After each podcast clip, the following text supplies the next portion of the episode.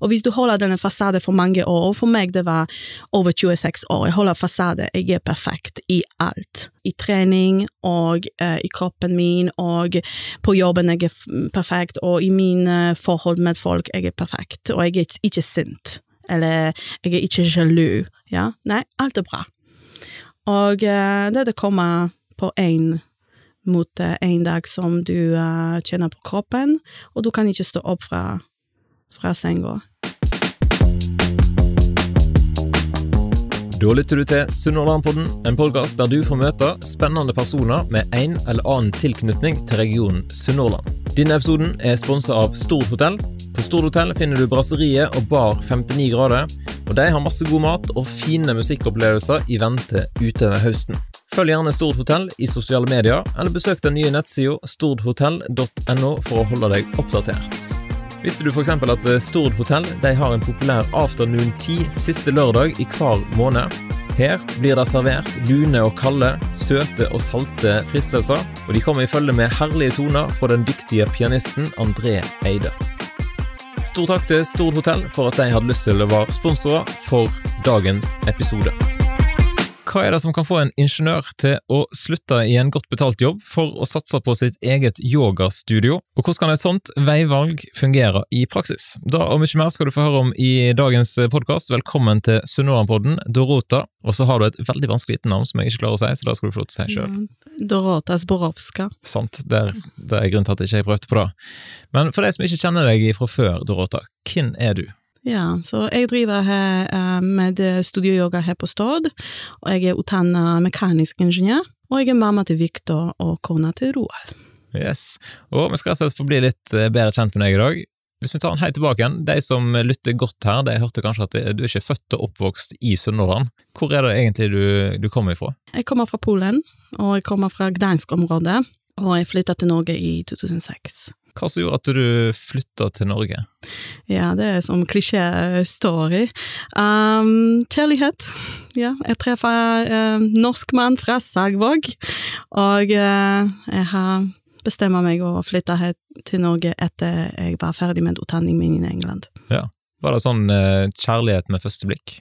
Nei, det var ikke første blikk, faktisk. Kjærlighet. Vi går på som date, og ja, vi var ferdig med middag, og det kom en regning på bordet, og uh, han spurte meg å få betale halv av denne regningen. Jeg husker jeg kommer hjem og sier til mamma og pappa at det var uh, Jeg skal aldri kjøpe eller treffe denne mannen igjen i mitt liv. Uh, men ja, nå er jeg gifta med han. sånn kan det gå. Men vi tar et takk tilbake igjen, da. Du vokste opp altså i Romia, eller noe sånt? Ja. Litt uh, utenfor Gransk. Hvordan var det å vokse opp der? Eh, jeg tror vokse opp som 80-tallet barn i Polen kanskje var litt vanskelig på grunn av våre foreldre. Det kommer litt fra denne kommunistbackground, så de kunne ikke gjøre masse ting. Og alt var likt, og det var ikke mye penger. Og ikke mye produkt. Så, uh, så når jeg kommer på skole, det var veldig mye vekt på at jeg har veldig gode karakterer. Og i Polen du får karakterer fra første klasse. Det er såpass. Ja, så, uh, så jeg må være flink og kanskje best i klassen hver år, og jeg var best og flink i uh, alle klassene mine. Men det som, uh, som skjer, min uh, vei var allerede som forberedt for meg. Jeg må gå til universitet, jeg må få god utdanning, og god jobb og god lån, og det betyr god liv. Men i utgangspunkt, det er ikke som er i livet min. Det var ikke sånn. Så en oppvekst med ganske masse press, ja. rett og slett? Eh, sånn klassisk flink pike-syndrom, eller? Ja, klassisk flink pike. Så det er ikke bare som du må eh, bare ha beste karakterer, det var også da du må presentere seg best, ja. Så det var mye, for eksempel, jeg tar, mm, deltar i mye konkurranse for engelsk eller matte, og det var viktig, jeg var for eksempel første i skole. Det var viktig, jeg tror det var viktig for meg, men nå jeg forstår i livet mitt, det var viktig for foreldrene mine. Men du ble rett og slett best? Ja. perfekt. ja, En liten eh, perfeksjonist eh, ganske ja. tidlig. Ja, ganske tidlig. Var det det som gjorde at du utdanna deg til ingeniør òg?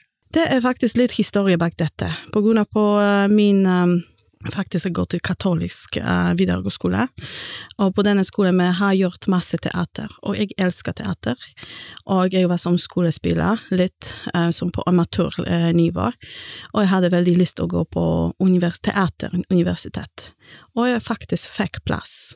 Men mamma og pappa, det er bestemt uh, for meg. Det, det, skal ikke hjelpe meg med penger for å finne noe leilighet, eller ja, for å bo på andre sted. Så den jeg må droppe, den er drøm. Um, så den jeg bestemmer seg for, ok, det har lyst for meg å gå på uh, for å bli lærer. Mattelærer eller engelsklærer. Så jeg bestemmer meg, nei, jeg skal gå på noe annet. Og jeg vet ikke hvorfor det kommer mekanisk ingeniør, men jeg bare snakker med noen venner, og det er, den er faktisk er veldig mannfolk um, på yrket. Så jeg sier ok, jeg skal gå det. Og da reiste du til England, eh, til Brighton? Ja, så første to år jeg har studert i Polen, og den er fortsatt i England for uh, to og et halvt år. Ja, Var det et mannsdominert yrke? Ja, ja, det var sånn 95 mann. Også deg. Ble du, ble du best der òg? Uh, jeg var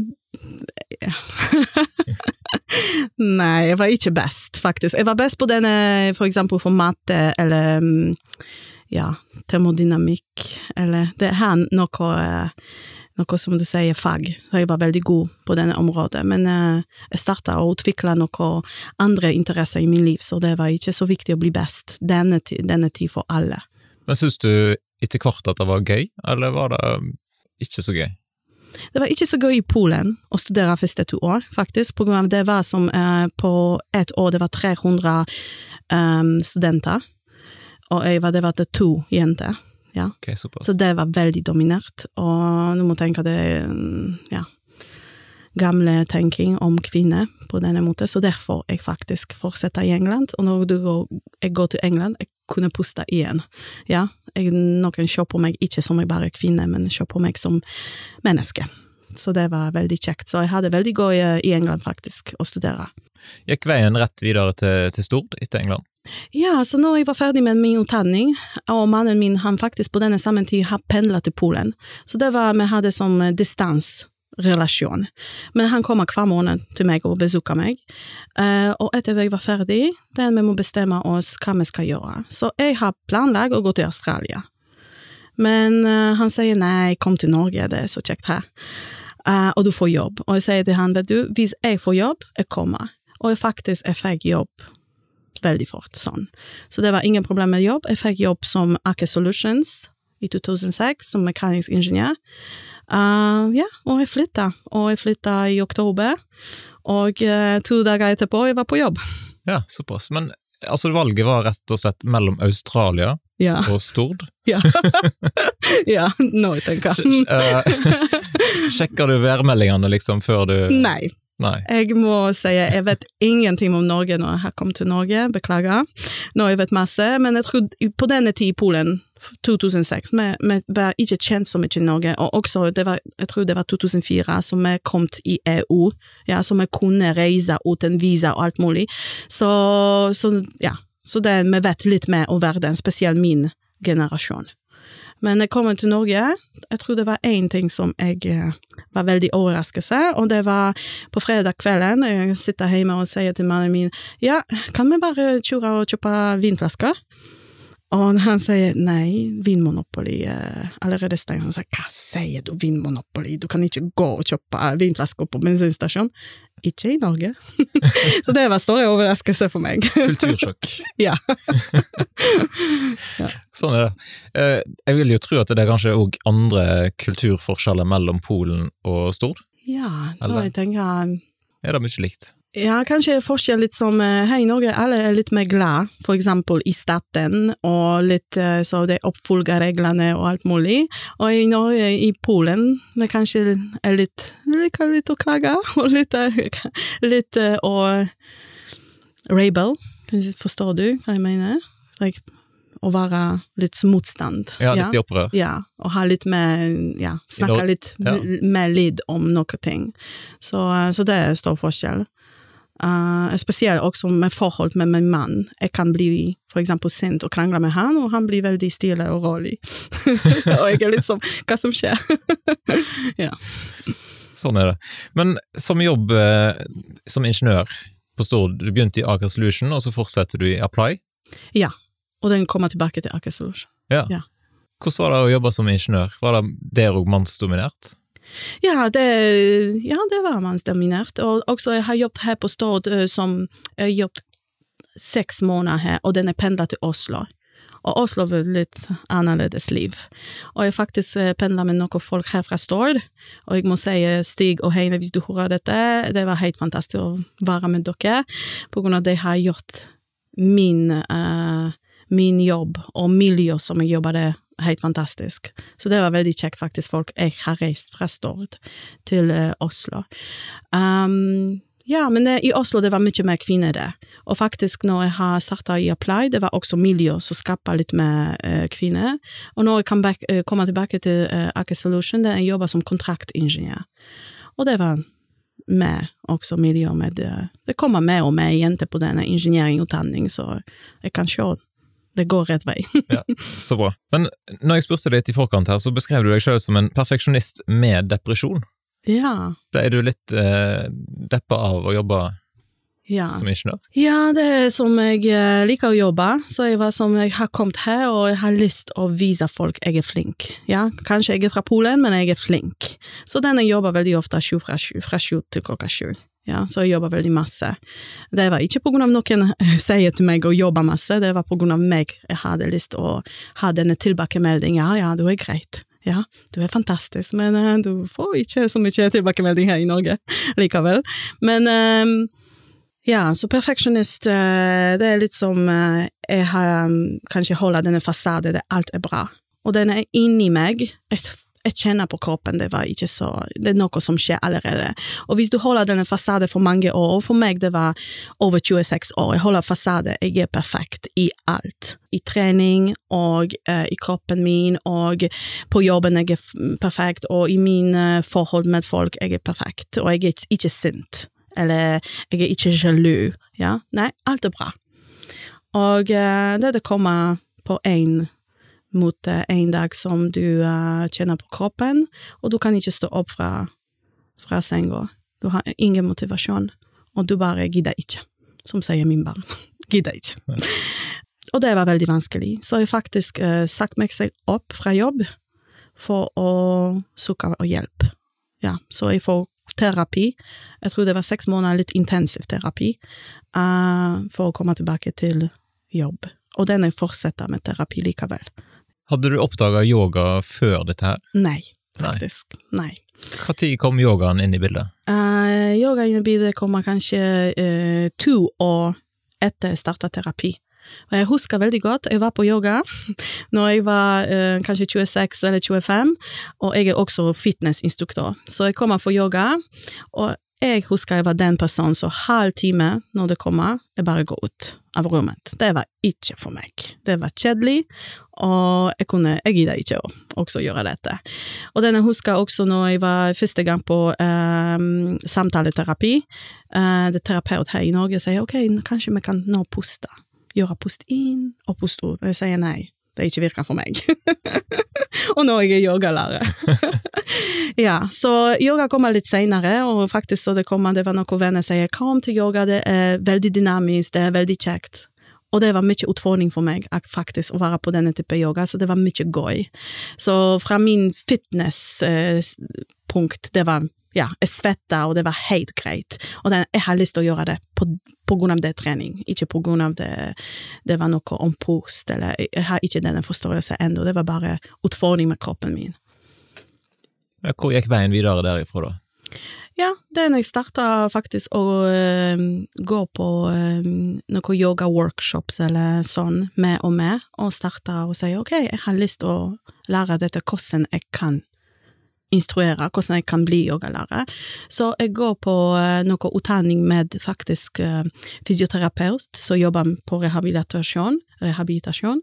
og uh, den, det var veldig interessant. Det var ikke interessant hvordan du bare lager klasser, men det var interessant å se folk, og se din kropp, og tilpasse yoga for deg kropp. Så jeg tenker wow, det var det var interessant for meg, også som fitnessinstruktør. Hvordan jeg jobber med kroppen som for eksempel har litt kyfosis, hvordan jeg jobber med kroppen som har skoliosis, eller skuldre veldig uh, spent. Så den starta å bli mer og mer interessert. Og den etter jeg fikk baby, det var veldig krevende tid for meg, og jeg kunne ikke trene så mye. Og eh, jeg fikk kanskje litt depresjon også.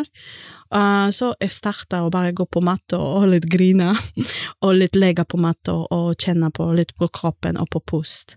Og den det kom denne tid, så jeg likte å finne ut mer om rå, og litt mer om pust, og litt mer, mer om uh, avspenning også. Så nå det hadde begge begge uh, typer yoga, som jeg sier, fysisk og også den mentale um, yoga. Når kom ideen om å slutte som ingeniør da, og begynne som yogainstruktør? Kanskje den jeg må litt forklare. På grunn av det var jeg Jeg, jeg starta eh, seks år siden, og eh, har som har yoga som hobby på Spinal Company. Og etter et år, det går veldig kjekt, og mannen min og jeg, vi finner lokal. Og vi satser på denne lokalen og det var mye oppussing å gjøre, så vi har bestemt oss ok, vi skal gjøre det. Men først jeg har bestemt meg ok, jeg skal beholde min jobb 50% på grunn av finansiering, og 50 jeg skal jobbe. Men uh, denne tid var veldig dårlig for Aker Solutions, så faktisk jeg fikk oppsigelse. Uh, det var kanskje fem måneder før jeg starta uh, studier. Og jeg sier ok, det var uh, universet å bestemme for meg, jeg må gå 100% på dette.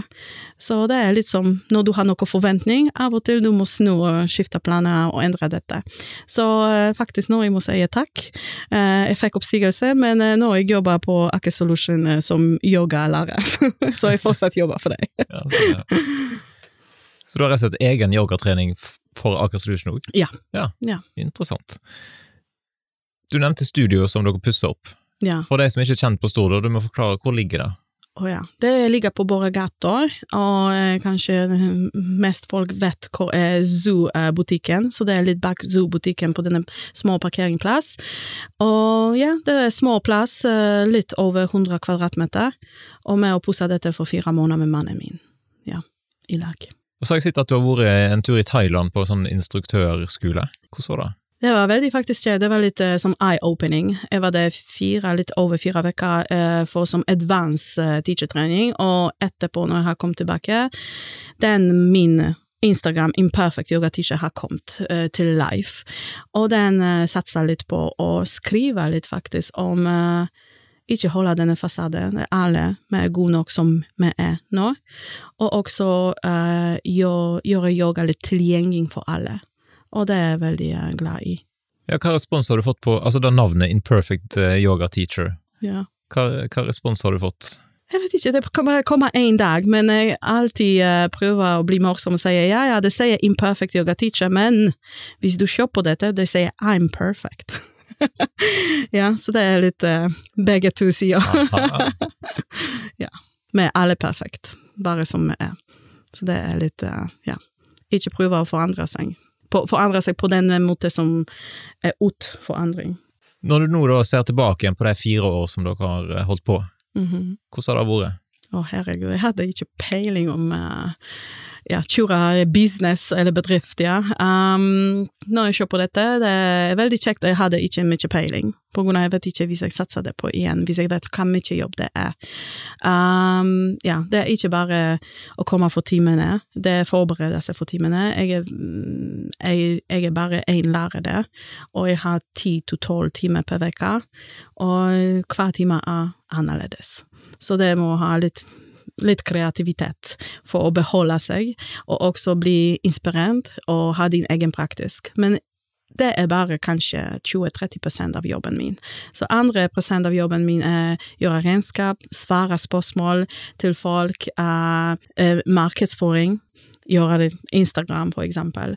Uh, rydde og vaske, alt mulig. Ja, og også uh, snakke med bedrifter og prøve å finne og skape seg jobb uten studieyoga. Ja. Og så kom koronatida. Oh. Det eh, må jo ha vært en liten utfordring? Ja, det var en større faktisk utfordring for meg, men jeg var litt eh, heldig.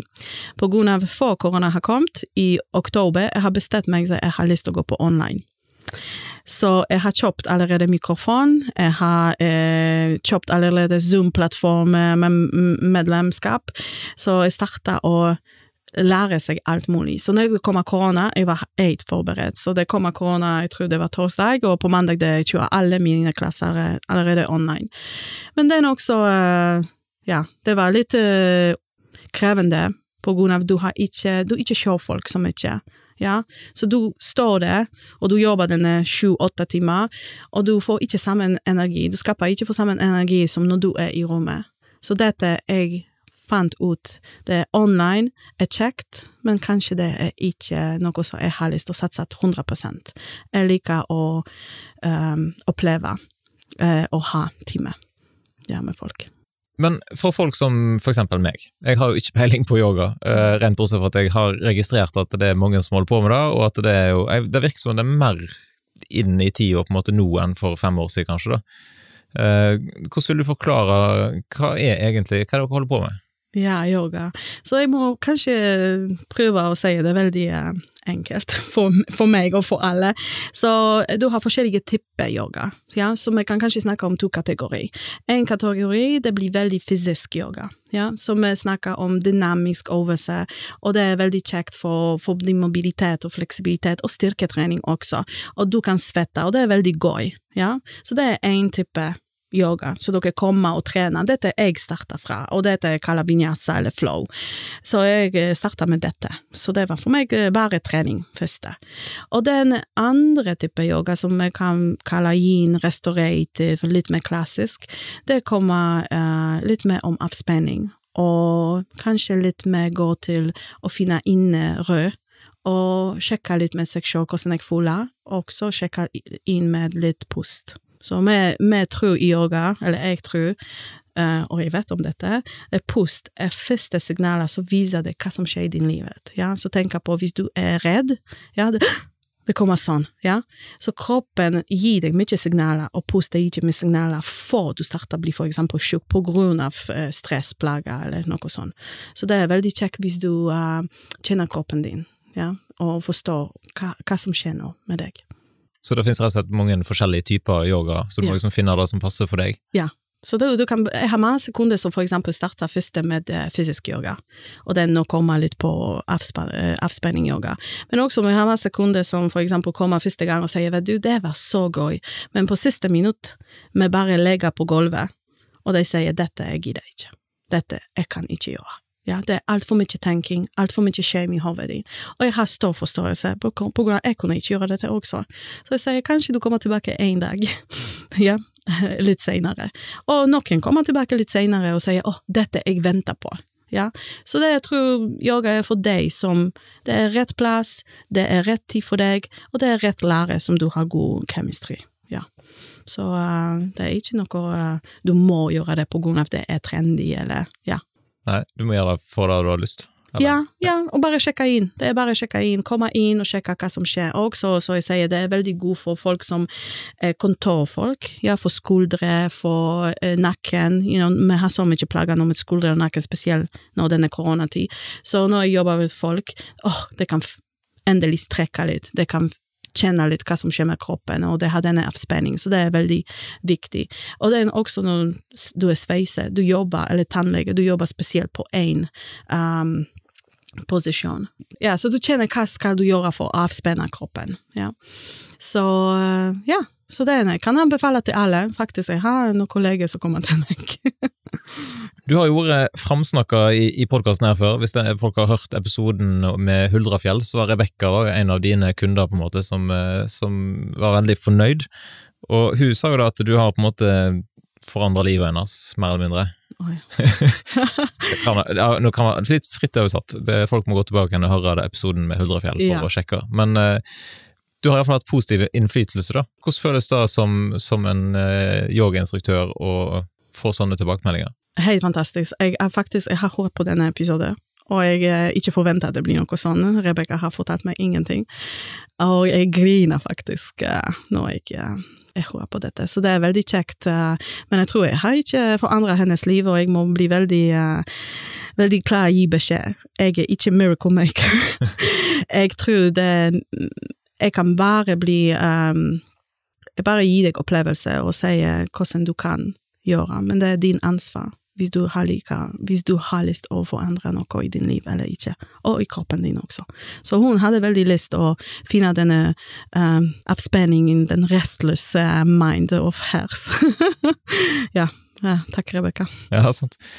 Og jeg har, også, har jo hørt med litt andre folk som, som, kjenner deg, og de trekker jo fram at du er en veldig flink, flink til å se den enkelte, og til å tilpasse treninga til den enkelte personen som er med.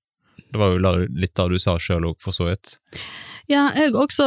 Jeg ser ut ikke så veldig tynn, som du kan se, så jeg har litt mage og jeg har litt bryst, og jeg tror det er veldig kjekt når folk kommer og har forskjellige typer um, forskjellige typer kropp, og jeg kan tilpasse til deg, på grunn av ikke alle posisjoner er så enkelt. Så det hjelper meg for faktisk å ha litt eh, normal kroppen, for å vise eh, folk hvordan det kan bli din opsjon, så du kan fortsette å være med oss, og ikke bli sånn åh, jeg kan ikke gjøre dette på grunn av jeg er litt på grunn av jeg tror jeg er litt forstår.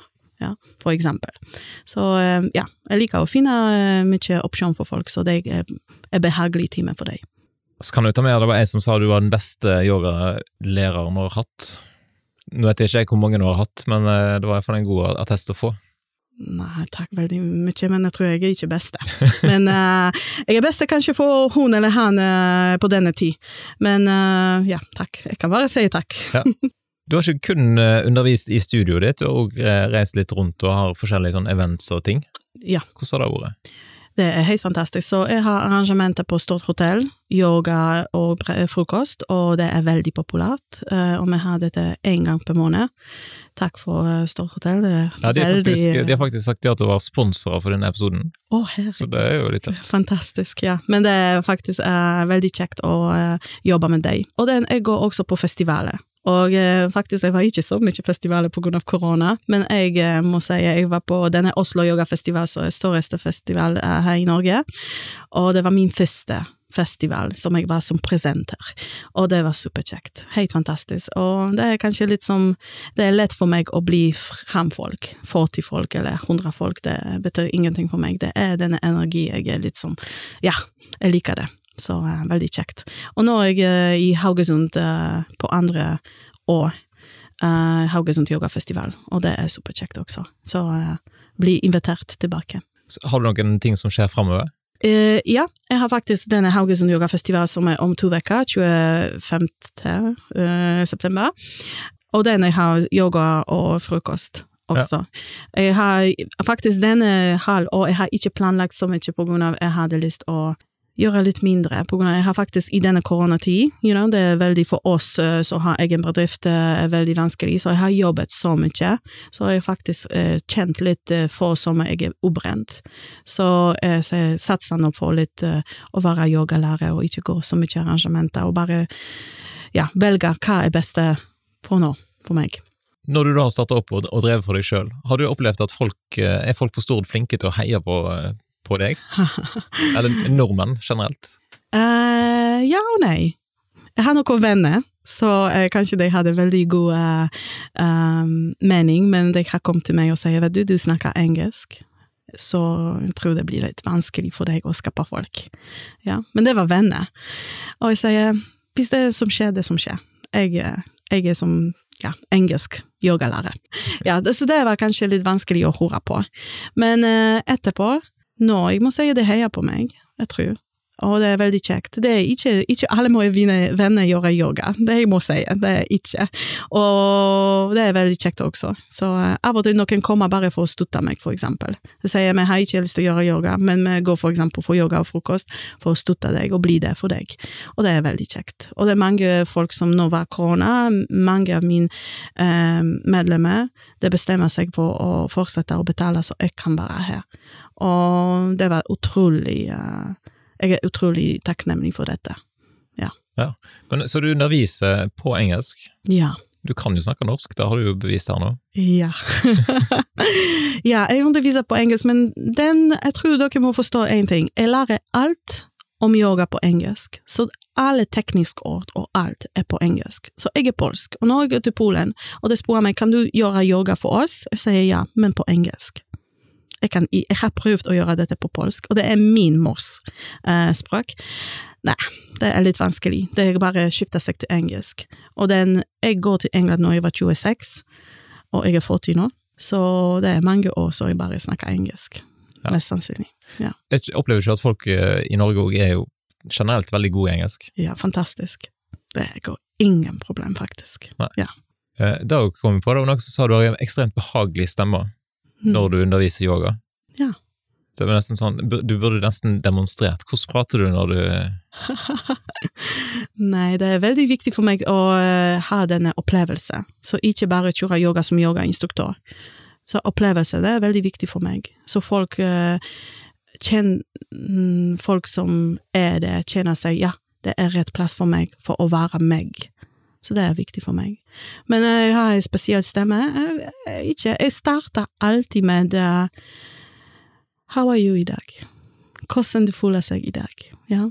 Og jeg tror det starter allerede, på grunn av folk veldig ofte sier vet du når du spør meg hvordan jeg føler meg i dag, jeg sier jeg er bra, men jeg vet du sier bra er ikke god nok svar, på grunn av at det er ikke følelse. Så jeg sier ja. Så jeg prøver å koble til en følelse, og det er så viktig for meg også, som folk forstår at alle følelser er bra. Jeg prøver å lære det til mine barn, men også jeg prøver å lære meg seg sjøl. Så øh, kanskje når vi starter, det er viktig, og folk forstår, ok, jeg står her, bare to, pust inn og pust ut, og sjekker med kroppen min, hvordan er jeg i dag, ja? Hva, eh, hva spenning jeg kjenner i kroppen min, ja? Og kan jeg bare ta pust inn og pust ut og se, kjenner jeg kroppen min eller ikke?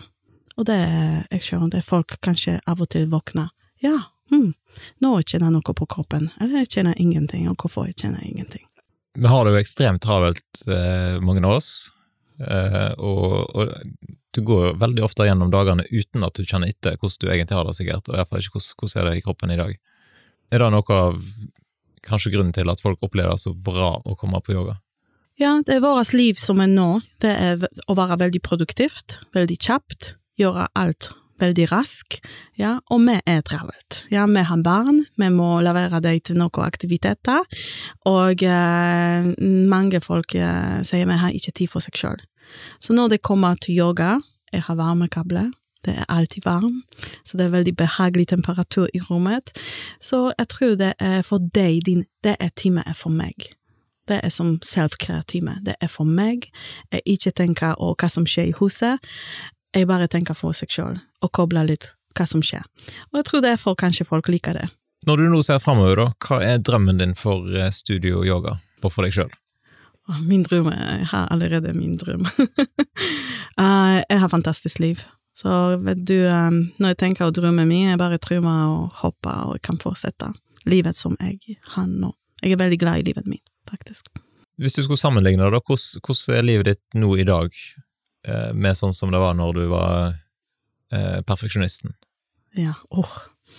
Ja, når jeg var perfeksjonist, jeg våkna klokka seks og går og springer, og komme tilbake, og det var alt om hva type mat jeg kan eller kan ikke spise, gå på jobb og komme tilbake, og det var veldig mye regler for meg, for meg selv. Nå, jeg våkner også tidlig, og ikke gå og springe, meditere eller avspenne kroppen min før jeg starter dagen. Men um, det er forskjell er, så jeg prøver å finne ut hvordan jeg er i dag, og hva jeg gjør. Så spesielt når vi snakker for eksempel om ombrent, ja, så jeg merker på kroppen, ok, når det er spent, hva som skjer. Og av og til, jeg liker å ignorere dette. jeg liker ikke å se på dette. Jeg er yogalærer som ignorerer, og nei, jeg må gå på jobb. Ja. Men uh, nå, det, er- det kommer veldig ofte denne perioden som jeg sier, jeg triv i livet min, eller ikke. Ja, og hvis jeg starter å klage, da jeg spør meg hvorfor jeg klager meg. Og det er andre ting, jeg har mindre forventning, og det er ikke noe verst i verden, men jeg har mindre forventning om min opphold, ja, min barn, min mann, alle forventninger det kan bare komme for meg. Så det går helt greit hvis noe er greit for meg, men det ikke betyr det må bli greit for deg. Så den er jeg endelig forstår. På grunn av det kommer mye kanskje ja, dårlig tenking der, hvorfor folk gjør det, hvorfor mannen min gjør det, hvorfor foreldrene mine har gjort sånn og sånn. Men når jeg forstår det, jeg kan ikke forvente folk å være i samme tenking som meg. Kan, det kan ikke være meg, jeg er meg.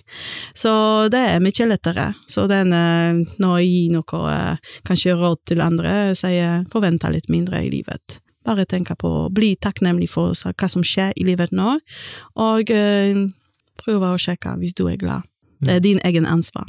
Dersom noen som lytter da, har lyst til å slå følge med deg i sosiale medier, hvor hen er det best å gjøre det? Hvis du har lyst til å sjekke ut uh, hvem jeg er, og hva jeg skriver om, det er på Instagram. Du kan gå på Imperfect Yoga Teacher, så jeg skriver det, og du kan se litt bilder mine. Uh, hvis du har lyst til å sjekke på hva som skjer i studio, det er på Facebook du går på Studio Yoga, ja. eller nettsida studioyoga.no.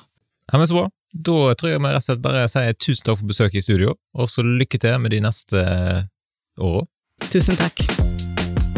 Takk for at du lytta til Sunnhordlandpodden. Denne episoden den var jo sponsa av Stord hotell. Brasseriet og Bar 59 grader de har masse god mat og fine musikkopplevelser i vente utover høsten, så følg gjerne med på Stord hotell i sosiale medier, eller besøk de nye nettsidene stordhotell.no for å holde deg oppdatert. Og ta gjerne en tur innom Afternoon 10 siste lørdag i hver måned. Der venter jo lune og kalde, søte og salte fristelser, servert i følge med herlige toner ifra den dyktige pianisten André Eide. Så igjen, tusen takk til Stord hotell for at de hadde lyst til å være sponsor for denne episoden her. Og hvis din bedrift har lyst til å bli sponsor, eller lurer på hva det innebærer, da er det bare til å ta kontakt, og så kan vi jo ta en prat om hvordan det eventuelt kan se ut. Og Har du en tilbakemelding på podkasten, så er du jo kjempevelkommen til å ta kontakt. Du kan koble med Sunnhordlandpodden i sosiale medier. Og den som var gjest i dagens episode, setter jo òg selvfølgelig stor pris på tilbakemelding på episoden. Så send en melding, gi en tilbakemelding. Helst da en positiv tilbakemelding. Det hadde vært stas. Sånn at vi sammen kan være med og heie fram gode folk i Sunnhordland. Da ønsker jeg deg en fin dag, og så poddes vi plutselig igjen neste torsdag.